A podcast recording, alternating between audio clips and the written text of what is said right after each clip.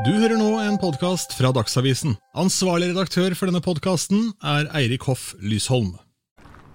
Hei, hei.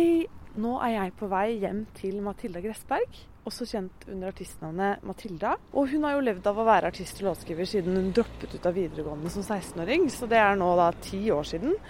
Og de siste årene så har hun beveget seg litt mer sånn i bakgrunnen, fordi hun er faktisk en av Norges ganske få kvinnelige norske produsenter. Hun har invitert eh, meg hjem til seg. Og det er litt spesielt fordi jeg bor rett og slett på andre siden av veien. Fant jeg ut nå. Hun er naboen min. Men da skal vi inn eh, til henne. Vi ses der.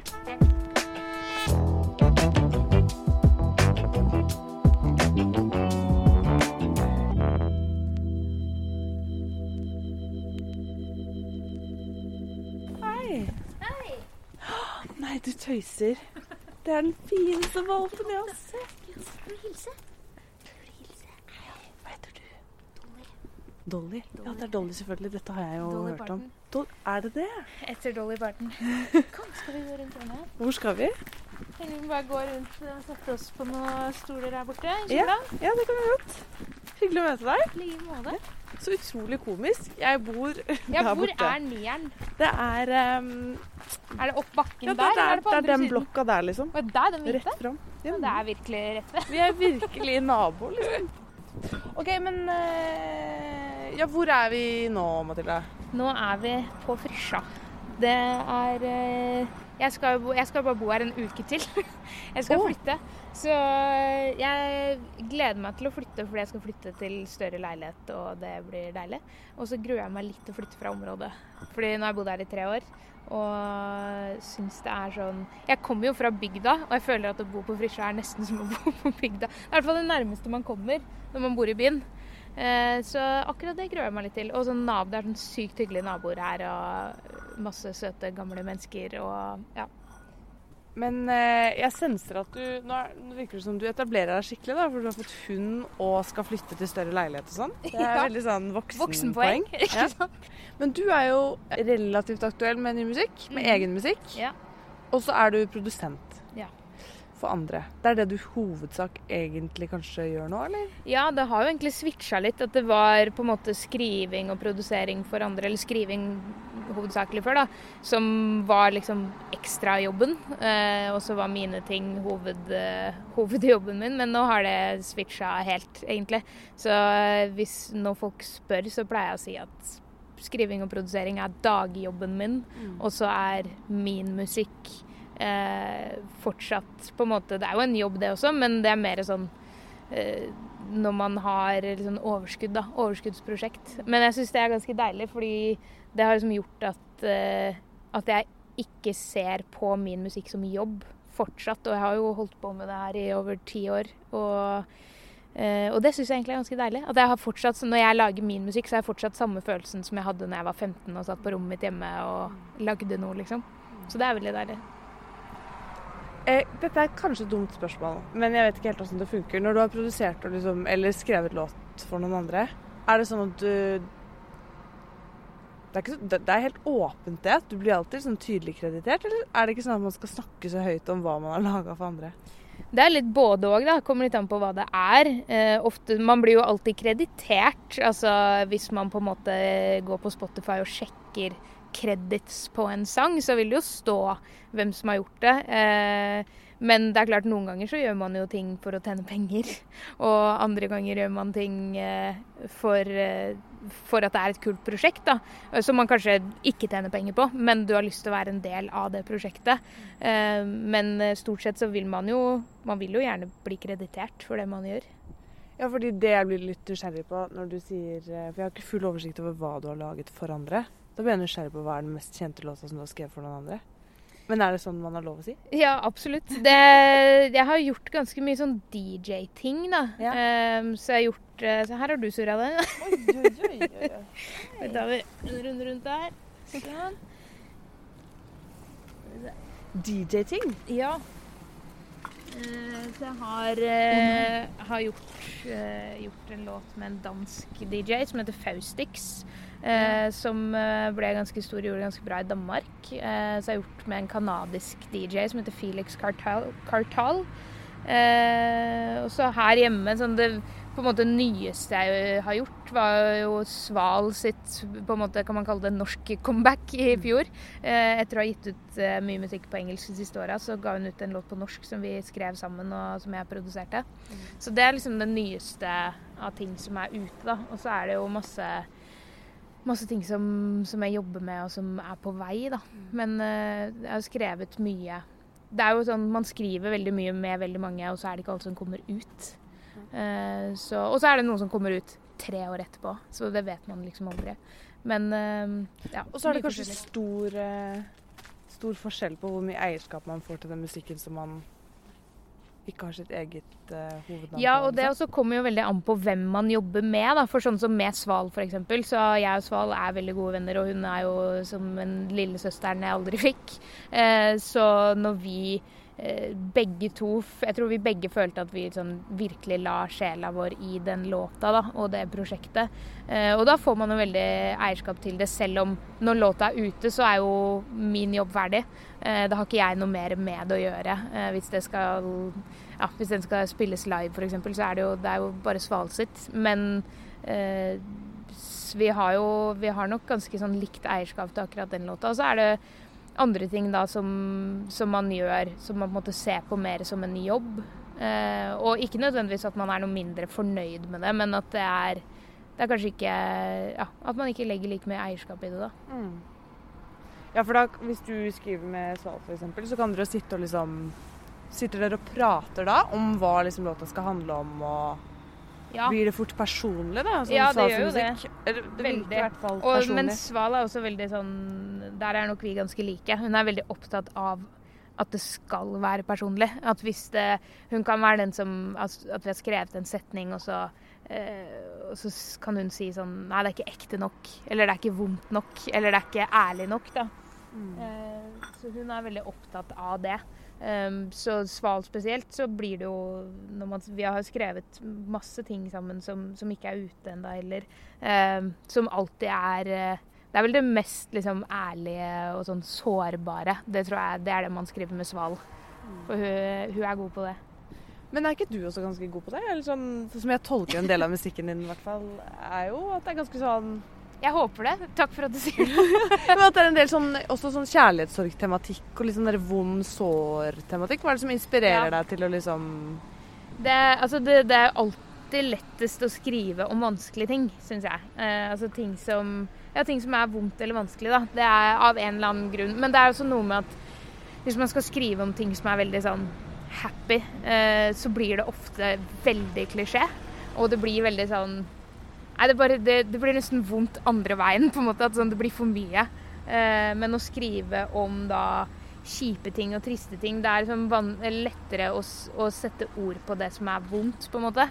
Eh, og så er det også noe med at hvis man står i en situasjon hvor man har det skikkelig fint, så er det ikke da jeg får behov for å sette meg ned og skrive. fordi da, da har man det jo bra, så man trenger ikke å liksom ventilere noe. Mens når man har det kjipt, så ja, Låtskriving blir jo ofte veldig sånn ventilering. Vil det si at etter et brudd så lager man mye mer liksom, gode tekster enn hvis man er kjempeforelska og lykkelig, liksom? 100 da, da, Men da må man jo liksom Altså, jeg er jo i et forhold, så hvis jeg skal skrive Mye, mye av det jeg skriver nå, er jo mer happy, liksom. Men eh, men hvis jeg skal skrive for noen andre, da, eller for så vidt for min egen del også, hvis man skal skrive litt sånn trist, sånn, I dag vil jeg skrive en trist låt, da må man jo grave frem noe gammelt grums, da. Eh, men det også er sånn, ser jeg på på en måte som eh, Kanskje høres eh, dumt ut, men sånn som låtskriver, da, så lagrer man litt på de kjipe følelsene sånn at man eh, Eller man har et slags bibliotek i hodet.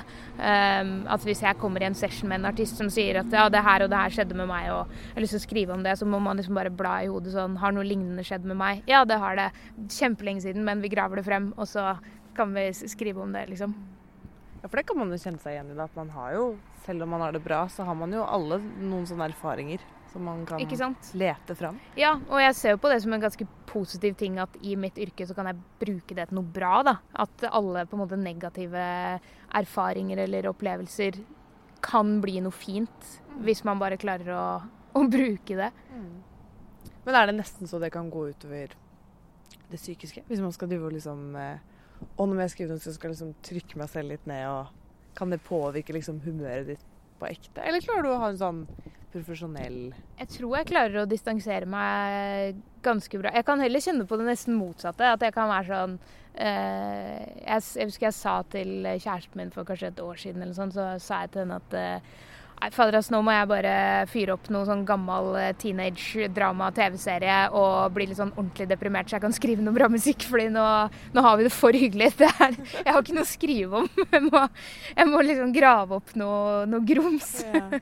Så jeg kjenner nok heller på det den, den, veien. Jeg tror jeg er ganske god på å distansere, distansere følelsene mine. Eh, og bare putte Men det gjør nok også at jeg er sånn i livet generelt. Ikke nødvendigvis alltid har så veldig behov for å snakke om følelser. fordi hvis jeg har noe jeg går og tenker på, så skriver jeg om det i stedet. Og så blir jeg ferdig med det. Ja. Så det er rett og slett litt terapeutisk eh, ventileringsmessig? 100 Veldig terapeutisk å skrive. Eh, jeg så, når jeg forberedte dette intervjuet, så var jeg sånn Jeg vet jo hva en produsent gjør, men ikke egentlig. ja, ikke så mange kanskje egentlig vet hva, eh, hva det innebærer, da. Og det er jo det, det, er jo også litt fra person til person, men stort sett, i hvert fall i mitt tilfelle, da, så er du jo den som, hvis man skal måtte prøve å forklare det litt sånn banalt, så sitter man og skriver en låt, og så er det produsenten er den som sitter bak datamaskinen og får inn instrumentene, gjerne spiller instrumentene. Eh, lager, skrur all lyden, lager alle lydeffekter, setter ting sammen, da. Eh, så det er vel litt sånn Hvis man tenker at det er en tegning, da, så er det produsenten som, eh, som holder i, i pennen, liksom. Ja. Man, man, sitter og Man sitter på en måte og, og leiter, da. Sitter og leiter frem riktig, riktig lyder. Det er jo jeg husker ikke tallene helt i hodet, men det er ekstremt få liksom, kjente kvinnelige norske produsenter. Ja. Det er helt sikkert en del man ikke vet om, men det er, liksom, eh, det er jo et kjempegap der. Ja. Det er, det er, det er det. Det er ikke så mange, som du sa, så mange, i hvert fall ikke så mange profilerte. Og så er det jo en del som produserer, og det er mange som jeg vet at gjør det, men som kanskje ikke tar helt kreditt for det. Som har sittet hjemme og gjort kanskje 90% av låta ferdig, eh, men kanskje mangler litt sånn selvtillit på å faktisk si at sånn Ja, men det, det, er jeg som har produsert det her. Så henter de heller inn en annen produsent som fullfører det, og så vil det da stå produsert av den personen i stedet. Uh, og det er jo en sånn ting som jeg prøver å jobbe veldig hardt for å endre, da. Uh, fordi jeg syns, jeg syns det er rart at det skal være så stor forskjell. Og det er jo, jeg tror det sånn henger litt igjen da, bare fra gammelt av hva man er vant med. liksom. At det er, og litt som du sa, at det er et veldig teknisk yrke, på en måte, eller en teknisk ting. Og at man ofte forbinder teknikk med gutter og menn. Uh, men det er jo ingenting som tilsier at jenter skal gjøre det noe dårligere. Nei. Hvordan har det vært, da? Fordi når man er i mindretall, så er det jo sikkert ikke Altså, de løypene er ikke så bana, da. Man eh, Merker du noe Har du merka noe til det? Ja, altså det man merker er jo eh, Nei, du, du må ikke ta piruetthunden. Dolly, det var veldig fint navn, da. Er du glad i Dolly Parton? Elsker Dolly Parton. Så hun heter Dolly Parton. Oh, ja. Som i pote. Skal du komme til der? Kom. Nei, skal du sitte på fanget du, da?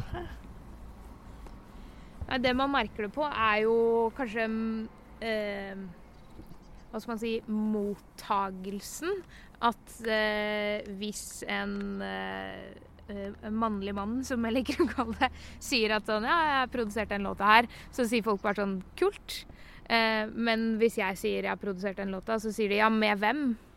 Hvem har du gjort det sammen med? Og så er det nei, men jeg har gjort det. Ja, men eh, liksom Hvem er det som har vært tekniker? Ja, det er meg. Ja, men hvem er det som Og så er det sånn Men du hører ikke hva jeg sier. Det er, det er jeg som har gjort det. Og det er jo eh, det er jo ikke bare jeg som opplever det. det altså jeg er jo god venn med Fay Wilhagen, og hun også produserer jo veldig mye. Og vi snakker mye om det. og hun gjorde annet filmmusikken til uh, Aksel Lund Svindal sin film. Og da var det en sånn ting hun opplevde. Hun komponerte all den musikken. Og henta inn eh, masse flinke folk til å være med og spille instrumenter. Og uh, hun hadde med seg Kristoffer Lo, var det vel, som en koprodusent. Men det var Fay som holdt i hele det prosjektet. Og når den filmen først kom ut, så sto det i alle anmeldelser at filmmusikken var laget av Kristoffer Lo med Fay Wildhagen, og ikke motsatt. Og det er sånn Det er så utrolig respektløst da, når det er en som har sittet i liksom et år og jobba med et prosjekt og holdt i absolutt alt som har med det å gjøre. Eh, og så bare fordi at en mann har vært med og hjulpet til på en del, så er det han som får kred, da. Eh, og det er et veldig stort problem, og det er sånn, det gjentagende. Det ser man liksom, det skjer hele tiden, da. Henger det sammen med liksom flere utfordringer i bransjen, tror du? Ja, det gjør det nok. Altså, det er, jeg tror det er litt sånn kjønnsstereotypisk på mange, på mange områder. Um, jeg tror nok at det er litt sånn uh, Både når det kommer til selve liksom, musikkproduseringa. For når det kommer til låtskriving, så er det på en måte aldri noen som stiller noen spørsmålstegn ved at det er jenter som på en måte er per eller sånn, altså i gåsehudene best da, på det. Uh, men når det kommer til liksom det tekniske, og det kan være da produsering, men det kan også være liksom hvis du skal lage en musikkvideo eller noe videoinnhold, da, så bare ja, men du kan jo ikke lage det selv, eller du kan jo ikke klippe den videoen selv. Eh, men så er det litt sånn hvor, hvorfor kan ikke hun det? Eh, det er ingenting som tilsier at det ikke skal gå. Så jeg tror nok det henger igjen på veldig mange ting, ja. Hvordan møter du det der, da? Hvis noen er sånn Ja, men hvem er det som egentlig har produsert den? Altså, hvordan blir du sint, eller hva sier du, liksom? Tidligere så møtte jeg det nok litt med å um, Jeg møtte det litt sånn som jeg fikk det, på en måte. At jeg liksom Ja, nei, enig. Litt sånn fordi man blir så satt ut av det. Uh, at man vet ikke helt hva man skal si. Men uh, i det siste så har jeg liksom blitt mer sånn Nei, men da får jeg bare oppføre meg sånn som menn gjør, da. Og så får jeg være sånn Ja, det er klart det er jeg som har lagd det her, liksom. Og være litt sånn være, Nesten være sånn eh, Ikke cocky, men bare altfor selvsikker på ting som jeg ikke engang er så selvsikker på. Mm. Men bare for at jeg har skjønt at skal man på en måte få noe som helst respekt da, for de tingene eh, som folk eh, tror at du ikke kan, så må du på en måte late som at du er verdensmester i det, på en måte. Mm. Og det også er jo ikke noe gøy, fordi jeg har ikke lyst til å være et sånt menneske som, som uh, er sånn eller sier sånne ting. Men uh, ja, nei, jeg tror man må bare liksom Men det funker? Ja, det funker. Det er det som er det triste. At det funker. Så man må bare ha altfor mye selvtillit, tror jeg. Mm. Jeg tror det er noen som har skjønt at du har noen godbiter i lomma. Jeg er én, og så skal du sleike oppi den posen her. Vær så god. Så om du få snuta di nedi. Oi. Du får liksom ikke puste hvis du skal det. Nei, det er litt skummelt. Jeg, eh, jeg, har faktisk lest en del om noe man kaller liksom the confidence gap. Som okay. er en sånn greie. Og de har forsket på liksom selvtilliten til menn og kvinner. Mm. Og at menn ofte liksom vurderer seg selv høyere, selv om man har samme resultatet. Det tror jeg på. så det Høres kjent ut. Ja, det er kanskje ikke så verst taktikk. da, Prøve å legge seg på deres eh, nivå. da. Ja, men Det er litt sånn samme med det, det gjelder også ofte med sånn eh, Altså live musikk, da, f.eks. Og, og det å skulle på en måte sette en pris på seg selv, på en måte. Eh, det er også en sånn ting som jeg syns Nå har jeg på en måte gjort det i såpass mange år at nå, nå går det greit, men sånn som jeg fortsatt tidvis og veldig veldig lenge syns var sånn ordentlig ubehagelig. Eh, for det er noe med å Uh, og skulle si sånn ja, jeg, jeg, fortjener det her, dere må betale dette hvis jeg skal komme. Eh, men så kjenner jeg liksom veldig mange mannlige artister som, som overpriser helt sånn sinnssykt, fordi de er sånn ja, men herregud, dette har jeg da vært. Eh, som er sånn stikk motsatt innstilling, da, hvor ja, jeg blir nesten sånn flau over å sette en pris hvis jeg føler at sånn uff, er ikke det her litt mye? Mens de tenker kanskje bare ja, det verste som skjer er at de sier nei. Liksom. Ikke sant? Og, så jeg tror nok at det stemmer eh, veldig godt på, på, veldig mange områder. At det er stor forskjell der på, på selvtillit. Mm. Hva er grunnen til at du, eh, at du ikke Eller det, det, med at du ønsker å produsere og lage ting for andre, og kanskje har gått litt mer i bakgrunnen sånn de siste årene. Mm. Er det en grunn til at du ikke har liksom steppet opp, f.eks.? At du har hatt lyst til å liksom eh, satse enda mer på din egen Artistkarriere. karriere- artistkarriere? Hva- Jeg tror Altså for min del så er det nok at Jeg tror det er en blanding av at jeg har Jeg begynte jo veldig, veldig tidlig. Jeg begynte da jeg var 16. eh, og turnerte i mange år. Fra jeg var liksom 16 til jeg var kanskje 22, eller noe sånt. Så jeg og tror du droppet ut av skolen, gjorde du ikke det? Ja, det gjorde jeg. Så jeg tror at jeg på mange måter gikk litt sånn lei. Eh, og jeg syns fortsatt at det er gøy å lage egen musikk og gi ut egen musikk, men jeg syns ikke det er så gøy eh, å spille live lenger som jeg syns det var før. da. Eh, men det å sitte i studio og lage musikk, om det er for meg eller om det er for noen andre, det er liksom det er det aller beste jeg vet. Og det, det, det er sånn, fordi det er så nytt hver eneste gang. Um, og man vet aldri hva som skjer, og du vet aldri om det vi sitter og lager nå, faktisk blir noe uh, og kommer ut, eller om det bare Ja, om det bare var en gøy dag på jobben, på en måte. Hva med rød løper og sånn, da? Hva syns du Og det er det? verste jeg vet. Det er det absolutt verste jeg vet. Okay, fortell Det- det. Det, nei, altså det har jo, har jo vært, vært på noen eh, ting, events, opp igjennom hvor det har vært eh, rød løper. Og spesielt da liksom plateselskapet mitt og sånn er veldig sånn Ja, du må komme da og da. Eh, Litt før, liksom sånn. Komme et kvarter før fordi det er rød løper og må gå på den og sånn. Og da er jeg sånn, da kommer jeg et kvarter etter. Eh, For det er sånn helt uaktuelt. Jeg syns det, er- det er noe av det kleineste jeg veit om. Å gå og sånn gå og stille seg opp og være sånn Hei, hei, ta et bilde. Og så er, føler jeg også alltid sånn eh, Som sikkert også er litt den der selvtillitsgapen, da. Jeg tenker alltid sånn Ja, men de vet ikke hvem jeg er uansett, så det blir bare kleint hvis jeg steller meg opp der. Journalistene, liksom? Ja. Ehm, så nei, det Alt hvor Jeg har jo egentlig valgt helt feil yrke, fordi alt hvor man er synlig, er jo det jeg liker minst. Jeg liker jo å være sånn i bakgrunnen. Hvis jeg kunne valgt, så hadde jeg bare lagd masse musikk, gitt ut masse musikk, og aldri trengt å liksom gjøre noe med det. Jeg kan godt gjøre liksom sånn som det her, sånn podkaster, radiointervjuer og sånn, syns jeg også er kjempegøy. Men TV-ting, eksempel, det er bare sånn øh, nei, vil ikke. Hva er grunnen til det, tror du? At du syns det er OK å sitte her, men ikke Er det liksom eh, det å bli følelsen av å bli sett og liksom Ja, jeg tror det også er en sånn overeksponeringsting. At fordi jeg begynte når jeg var så ung, da, når man er 16, så har du liksom ingen Eller man har mange Man tror man har mange på en måte bekymringer når man er 16, men sånn i forhold til det å f.eks. liksom få gjøre sånne kule ting, da. Å gå på en rød løper eller eh, ja, være på TV sånn, det er jo bare stas når man er 16-17-18. Eh, og så tror jeg at jeg liksom kom, Det kommer til et sånt punkt hvor man føler at OK, nå har jeg liksom store deler av mitt eh, liv som ikke-barn, da, fra tenåring og til nå, eh, til i en eller annen grad vært synlig. Om det har vært eh, på TV eller i liksom riksdekkende media, eller om det liksom tidvis bare har vært i lokalavisa hjemme, så er det i en eller annen form alltid vært synlig siden jeg var 16 år. Eh, og det tror jeg bare sånn det kommer til et sånt punkt hvor man er sånn Nei, nå har jeg fått nok oppmerksomhet. Jeg vil ikke ha mer oppmerksomhet, liksom. Så jeg tror det er litt det det går på. At man, man føler seg litt sånn eh, overvåka.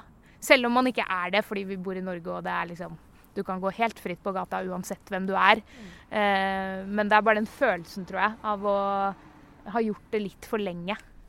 eh, Jo, nei, jeg ble bare litt nysgjerrig på om liksom Hvordan du har reagert. Altså ikke bare det at du syns det er kleint, men om det har vært liksom sånn Det med å føle seg litt overvåka, litt sånn herre Uff, nå kommer jeg meg liksom ikke helt vekk. Hvordan Mm. har det liksom Nei, altså det mm, Jeg tror sånn det Jeg tror ikke jeg merka det før eh, Og det er vel kanskje litt sånn typisk at man merker det ikke før det på en måte smeller litt. Eh, og da fikk jeg sånn plutselig sånn masse angst som begynte med sånn panikkangst som gikk over i litt sånn sosial angst. Eh, som jeg aldri har hatt før, fordi jeg er jo egentlig en veldig utadvendt person. Eh, og da, det er først da man merker at sånn mm, OK, nå er det kanskje litt mye. Eh, og det er jo også en sånn ting som jeg kjenner veldig mange andre i min eller mitt yrke, da, min bransje, som opplever. Eh, kanskje spesielt hvis man begynner ung, da. Fordi man er jo Man er jo ikke liksom moden nok, egentlig, til å deale med eh, en sånn type bransje når man er så ung, da. Eh, men samtidig så er det jo veldig sånn det er jo ytterst få som eh, breaker når de er 28 år, liksom, så et sted må man jo starte. Men eh, Så jeg tror også det er liksom en av grunnene òg til at jeg har liksom valgt å fokusere litt mer på å være bak. da. Fordi at det er litt sånn for min egen del at sånn det jeg tror, jeg tror jeg trenger det. Eh, og så kan det godt hende at på et eller annet tidspunkt at det kommer tilbake at man er sånn Nå, nå savner jeg skikkelig å turnere eller spille live eller gå på rød løper. Tror jeg aldri jeg kommer til å savne, faktisk. Men jeg skal si fra hvis det skjer. Ja. Herregud, jeg har vært journalist på sånn rød løper én gang. Ja, Og det var fælt, fordi jeg merket at det var ingen som egentlig hadde lyst til å være der. ikke sant. Ingen Men det er nok også litt den derre Det tror jeg også er en del av å være norsk, bare. Eh, fordi jeg tror, altså jeg har vært ganske mye og jobba i LA og skrevet mye musikk der, og der har jeg liksom møtt folk som er sånn Ingen vet hvem de er, men de, altså fordi i Norge, da, hvis du har Si du har eh, 30 000 følgere på Instagram, så er du jo til en viss grad eh, litt kjent. Eh, si D-kjendis, da. Men hvis du har 30 000 følgere og bor i LA, så kan det bare være på en måte inner circle omtrent som følger deg, fordi det er så stort. Eh, så jeg har møtt masse mennesker der som omtrent betaler for å De, betaler, de kjøper en dritdyr billett til en filmpremiere kun for å få gå på rød løper og få tatt et bilde, sånn at de kan poste det etterpå at jeg var der. Eh, Men her har vi liksom ikke den kulturen for å vise seg frem da, på samme måte. Så jeg tror nok når du har vært journalist på rød løper og opplever at ingen vil være der, så tror jeg det er ganske sant. Jeg tror at sånn kanskje syv av ti vil heller bare gå rett forbi. Men så vet man at sånn, ja, men det er en del av jobben min, så jeg, jeg må gå her. LA, det er jeg litt sånn eh, nysgjerrig på, kjenner jeg. Alle som har jobba liksom i utlandet. For jeg føler Mm. det er veldig an altså bransjen der er veldig annerledes. Har du en sånn LA-historie som du kommer på? Eh, jeg har ganske mange LA-historier, men jeg tror kanskje en av de det første, det første som slår meg når du sier akkurat det, det er at jeg skulle ha en eh, session med to, en mannlig produsent og en kvinnelig artist. Eh, og vi skulle være i De hadde studio i et, et hus, egentlig. Et sånt ja, typ bolighus. Og så kom jeg dit, og så føler jeg litt sånn umiddelbart sånn Er de to høye? Har de liksom, har de røyka noe greier? Men så var jeg sånn Ja, det har de jo sikkert, fordi det er LA, liksom, så det er jo ganske mange som har. Uh, men så blir det liksom bare verre og verre, og så innser jeg at sånn Å ja, de sitter ikke og spiser godteri, de sitter og spiser sånne edibles.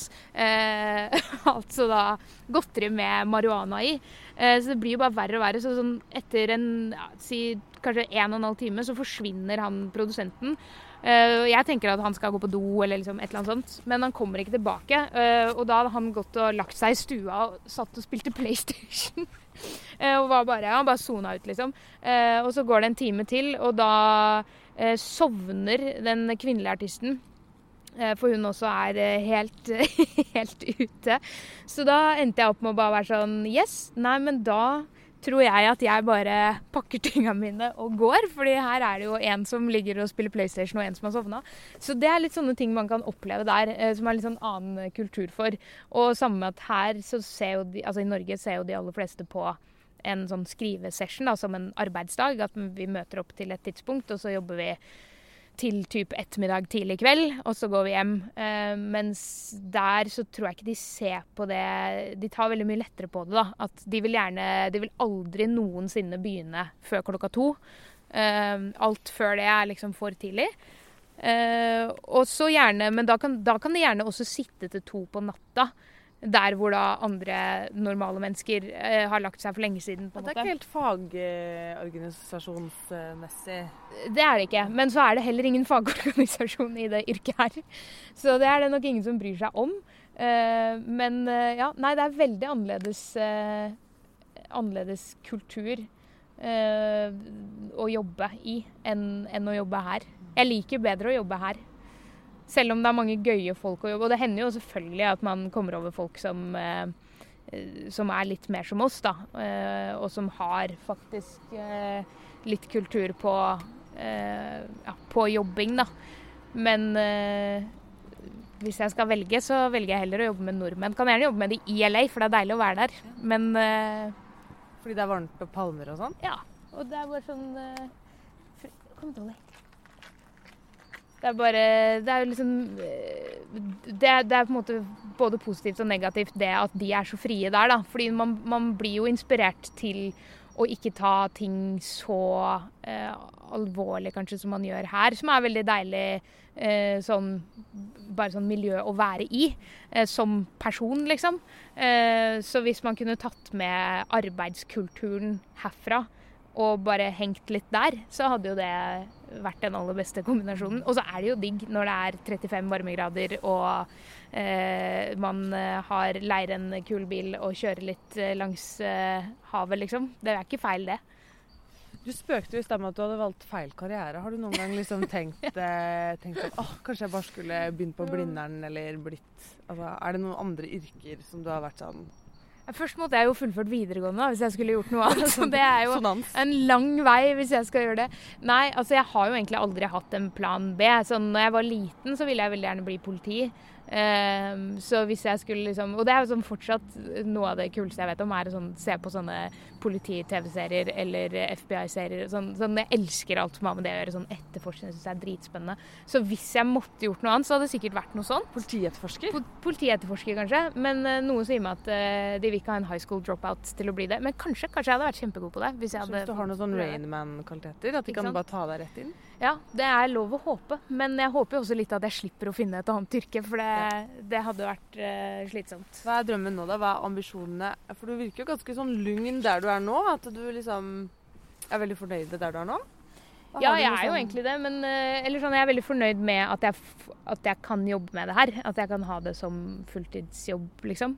Uh, men eh, jeg har jo alltid lyst til Og jeg tror at hvis jeg ikke har lyst til å på en måte komme videre, så er det ikke noe vits å jobbe med det her heller. Så jeg har jo selvfølgelig ambisjoner om, eh, om å gjøre det, men jeg tror at det liksom først og fremst handler om skriving og produsering. Da. At har å, man har lyst til å liksom skrive en låt som blir plassert hos en eller annen stor artist, eller eh, Hvem er den største drømmen, da, artistmessig? Oi. Eh, pff, ja, hvis du skal tenke skikkelig Hvis du skal, skal, tenke som en mann? Hvis jeg skal tenke som en mann, ja da måtte det vært å fått en låt med sånn Justin Bieber eller Katy Perry eller eh, Taylor Swift? Taylor, ja, altså Taylor Swift er jo Men da, da vil jeg gjerne ha skrevet med henne. Ja. For hun er jo min aller største helt i livet. Er hun det? Min også. Ja, er det sant? Å, herregud. ja. på et helt sånn fanatisk nivå. Ja, det samme her. Jeg, jeg er den som eh, Hvis folk sier sånn 'Jeg liker ikke Taylor Swift', jeg. Så blir jeg sånn 'Nå setter du deg ned, og skal jeg fortelle deg at du er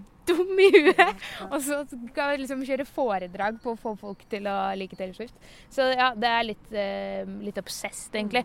Men uh, det har jeg vært siden jeg var liten. Så hvis jeg, hvis jeg, en dag får lov å skrive en låt sammen med Taylor Swift Altså den trenger ikke å komme ut engang. Hvis jeg bare får være i et rom og jobbe med Taylor Swift, da tror jeg livet mitt er ganske komplett. Du, Det var veldig hyggelig å prate med deg, Matilda. Da skal vi runde av, så du kan ta med valpen din eh, inn. Takk i like måte. Det, det, skal jeg gjøre. Jeg tror det er en som man begynner å bli litt rastløs her. Ja, og nå spiser hun litt jord òg. Ja, ikke sant. Da er det tide, det er på tide å gå inn.